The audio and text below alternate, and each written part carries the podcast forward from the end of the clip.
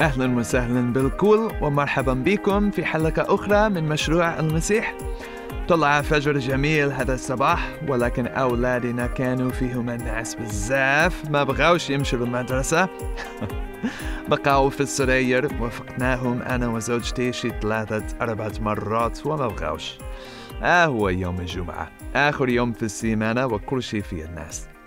وصلنا معطلين شوية للقرية. ولكن وصلنا بالفعل وها هو اللي مهم. اللي مهم هو أننا وصلنا وآخر ماشي في الحال وصلنا. عندنا خمسة أولاد وجوج بيهم ساكنين في الولايات المتحدة يقرأوا ويخدموا تما والثلاثة الآخرين يساكنوا هنا معنا. طيب أريد أن أسلط الضوء على موضوع ذا أهمية حاسمة في حياة المسيحي وهو السمع لصوت الله. وكيف نستطيع أن نسمع هذا الصوت؟ كل مسيحي له الشرف أن يستمتع بمحضر الله في قلبه أنه مخلوق جديد بسبب وجود الروح القدس الذي يسكن فيه.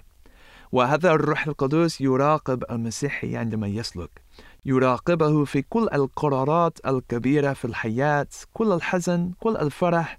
عندما نسلك في الصحراء الروحي أو على رؤوس الجبال في الروح الروح القدس يساعدنا يؤيدنا يفرحنا بوجوده. ولكن كيف؟ كيف من الممكن أن نستمتع بالله في قلوبنا؟ هل هذا الصوت مسموع أو إلا؟ فكيف نسمعه؟ الصوت لله هو ليس صوت مسموع عند الأوذان بل أنه مسموع بإحساس القلب مع أن الإحساس فقط هي لا تكفي. الكلمة إحساس ليست لها المعنى بالضبط. إنه أكثر من الإحساس.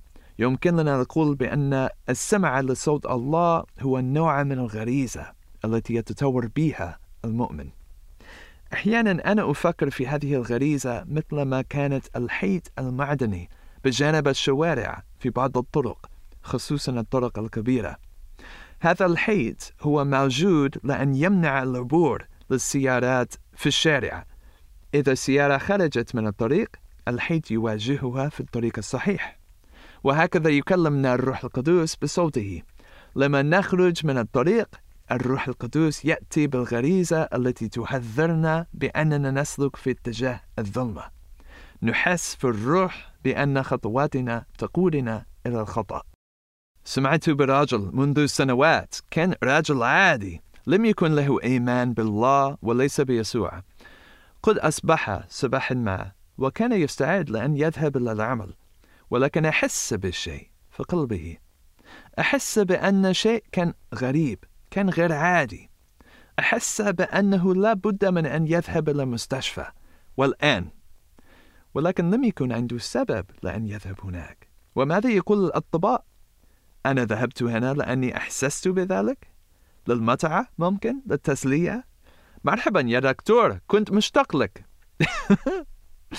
ولكن بالفعل أحس بقوة بأنه لابد من أن يذهب إلى المستشفى فقد ذهب. والأطباء عملوا بحث جسدي ووجدوا السرطان ونوع خطير جدا. نوع لا أعراض له ولكن يقتل نسبة عالية جدا من الناس الذين يمرضون بها. شفي هذا الرجل شفاء تاما. وهذه الأحداث تسببت التغير في حياته لأنه اعترف بأنه سمع الصوت لشيء قد أنقذ حياته.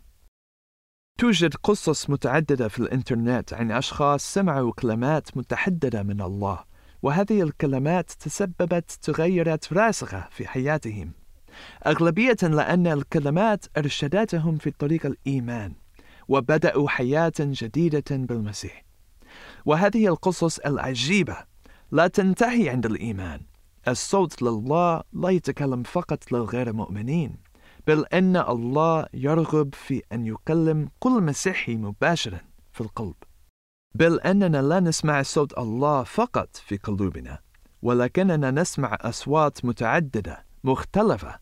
قد تسبب الفوضى إذا لم نتعلم كيف نميز ما بين الصوت الإلهي والأصوات الدنيوية. كتب في الكتاب المقدس أن إيلياء كان يستمع إلى أصوات الدنيا في كتاب الملوك الأول الفصل التاسع عشر. أعداء الله كانوا يأتوا إليه لأن يقتلوه. والصوت لقلبه والأصوات الدنيوية قالوا له لا يوجد أمل في الحياة. لا توجد قوة في الله. الله لا يستطيع أن ينقذك من هذا الخطر. أحسن لك تنتحر. من أن تنتظر القتل. بل آتى إليه الله وكتب في الكتاب فقال له الله أخرج وقف على الجبل أمامي لأني مزمع أن أعبر. ثم هبت ريح عتية شقت الجبال وحطمت الصخور ولكن الرب لم يكن في الريح. ثم حدثت زلزلة ولم يكن الرب في الزلزلة. وبعد الزلزلة اجتازت به نار. ولم يكن الرب في النار. وبعد النار رف في مسامع إلياء صوت منخفض هامس. الله لا يتكلم في ريح عدية ولا يتكلم في الزلزلة ولا يتكلم بالنار. الله يتكلم بصوت منخفض هامس. الصوت المنخفض الهامس لا بد من أن نركز لأن نسمعه. الصوت العالي لا نحتاج أي شيء لأن نستمع إليه ولكن الصوت المنخفض لا. لا بد من التركيز الخاص. لا بد من التدريب الروحي. لا بد من تطوير الغريزة الروحية. هذه الغريزة بالتمييز ما بين الإحساس الدنيوية والروح القدس هي مهارة يتم تطويرها بالوقت وبالخبرة. هي مهارة يريد الله أنك تطورها لأن الله عنده خطة لحياتك وسوف يخبرك بالأعمال التي يريد أن تقوم بها من خلال الروح القدس وكيف يستطيع أن يعينك عن المهنة الخاصة بك إذا لم تسمع صوته؟ في العام 2018 أنا وزوجتي كنا ساكنين في دولة في شمال أفريقيا ويوما ما كنت أصلي وأحسست بشيء في روحي. أحسست بعدم وجود السلام بالتوتر. أنا قلت لله يا رب إذا أردت أن تقول شيء قل لي. أنا موجود وانتظرت مرات الأيام ومرة أخرى كنت أصلي وأحسست بشيء توتر ضغط عديمة السلام. ولكن هذه المرة كان عندي فكرة للموضوع. الله كان ينادي علينا أن نغادر الدولة وننتقل إلى مكان آخر. أنا سألت الله أين تريد أن نذهب وانتظرت ومرات الأيام. حتى في يوم ما أنا كنت أتأمل بمحضر الله وأنا أحسست بشيء غريب. فمي قد أمل بطعم الماء للبحر بطعم الماء المالح. وهذه المرة ذهبت إلى زوجتي وقلت لها القصة كل شيء اللي حدث وهي قالت لي نعم الله كان يقول لي نفس الشيء وأنا كنت أتكلم معه بالموضوع لأكثر من أسبوع.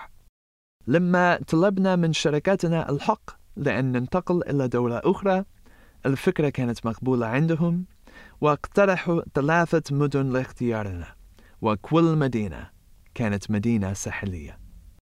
الإنسان يعيش بكل كلمة تخرج من فم الله. كلمات الله هي حياة وفرح وأمل. الله عنده خطة لحياتك ويريد أن يقود حياتك بكلماته.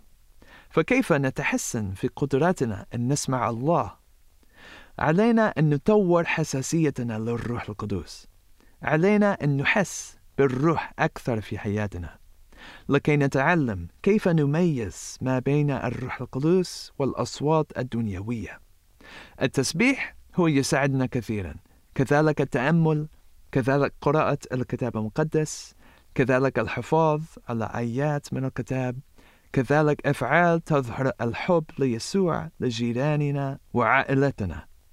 كل هذه الأشياء تغرس الكلمة في قلوبنا ومن الكلمة تنبثق الروح. ولكن الشيء الحاسم في الحياة الروحية المسيحية هو وجود الله والله دائما يذهب إلى أي شخص يدعو. إذا أردت أن تسمع الصوت لله فقط عليك أن تطلبه من الله. كل شخص الذي يطلب الروح سيحصل عليه أشجع عليك. تطلب أن الروح القدس يقوم فيك. وتطلب أن كلماته تقود حياتك. إلى محضر الله بالسماء